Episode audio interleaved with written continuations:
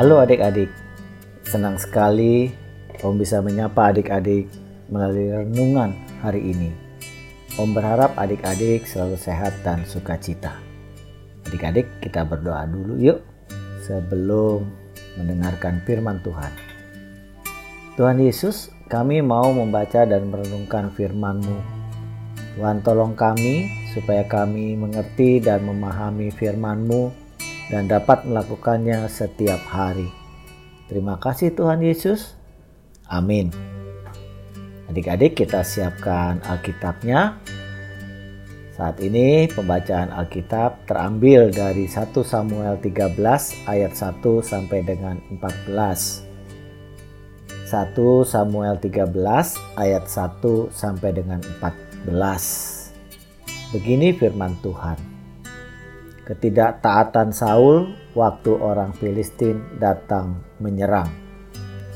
Saul berumur sekian tahun ketika ia menjadi raja. Dua tahun ia memerintah atas Israel. Saul memilih 3.000 orang dari antara orang Israel. 2.000 orang ada bersama-sama dengan Saul di Mikmas dan di pegunungan Betel sedangkan seribu orang ada bersama-sama dengan Yonatan di Gibea Benyamin. Tetapi selebihnya dari rakyat itu disuruhnya pulang masing-masing ke kemahnya. Yonatan memukul kalah pasukan pendudukan orang Filistin yang ada di Gibea. Dan hal itu terdengar oleh orang Filistin. Karena itu Saul menyuruh meniup sangkakala di seluruh negeri sebab pikirnya biarlah orang Ibrani mendengarnya. Demikianlah seluruh orang Israel mendengar kabar bahwa Saul telah memukul kalah pasukan pendudukan orang Filistin dan dengan demikian orang Israel dibenci oleh orang Filistin.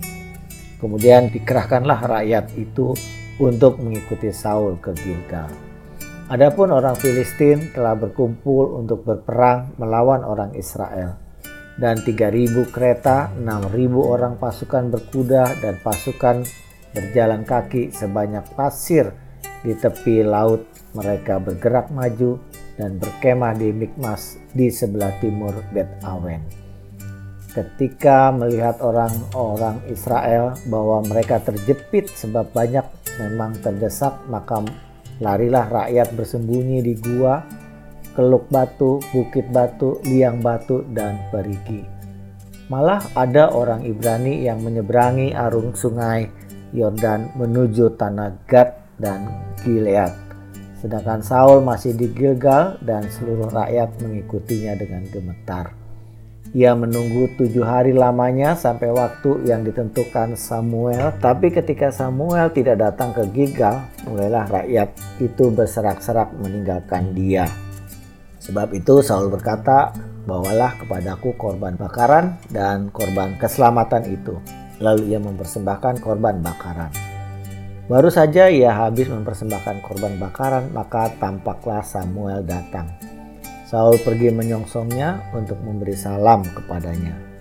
Tetapi kata Samuel, apa yang telah kau perbuat? Jawab Saul, karena aku melihat rakyat itu berserak-serak meninggalkan aku dan engkau tidak datang pada waktu yang telah ditentukan padahal orang Filistin telah berkumpul di Mikmas. Maka pikirku sebentar lagi orang Filistin akan menyerang aku di Gilgal. Padahal aku belum memohon belas kasihan Tuhan. Sebab itu aku memberanikan diri lalu mempersembahkan korban bakaran. Kata Samuel kepada Saul, perbuatanmu itu bodoh.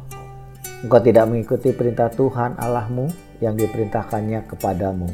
Sebab sedianya Tuhan mengokohkan kerajaanmu atas orang Israel untuk selamanya. Tapi sekarang kerajaanmu tidak akan tetap.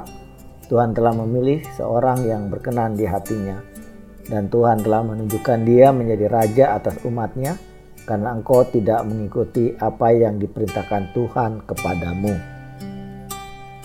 Adik-adik, eh, ketidaktaatan Saul dari 1 Samuel 13 ayat 13a. Kata Samuel kepada Saul, perbuatanmu itu bodoh. Engkau tidak mengikuti perintah Tuhan Allahmu yang diperintahkannya kepadamu. Saul baru beberapa tahun dilantik menjadi raja atas umat pilihan Tuhan dan dikenal rakyat sebagai seorang raja yang berani. Bahkan Tuhan memberikan tanda kepada Saul lewat perantaran Nabi Samuel bahwa Tuhan akan menghancurkan bangsa Filistin melalui Saul dan tanda penyertaan Tuhan diberikan di Gilgal. Akan tetapi bacaan kita hari ini memperlihatkan ketidaktaatan Saul. Saul tidak menantikan tanda penyertaan dari Tuhan dan dia tidak menunggu Samuel. Malah Saul melakukan apa yang jahat di mata Tuhan karena takut rakyat akan meninggalkan dia. Ketidaktaatan Saul membuat tidak dapat menyaksikan bagaimana Tuhan bekerja menghancurkan musuhnya dan ia gagal menyaksikan Tuhan bekerja melalui dirinya. Adik-adik, mari kita belajar taat kepada perintah Tuhan dan janganlah mengandalkan kekuatan sendiri. Ketika kita taat, kita akan melihat janji Tuhan digenapi. Sebaiknya ketika kita tidak taat, dampak negatif atau buruk akan terjadi kepada kita. Mari adik-adik kita bertekad untuk menjadi anak yang taat. Mari kita katakan bersama-sama, aku mau menjadi anak yang taat. Kita ulang adik-adik, aku mau menjadi anak yang taat. Bapa di surga, mampukan kami menjadi anak-anak Tuhan yang taat, yang menjalani hari-hari kami sesuai dengan firman Tuhan.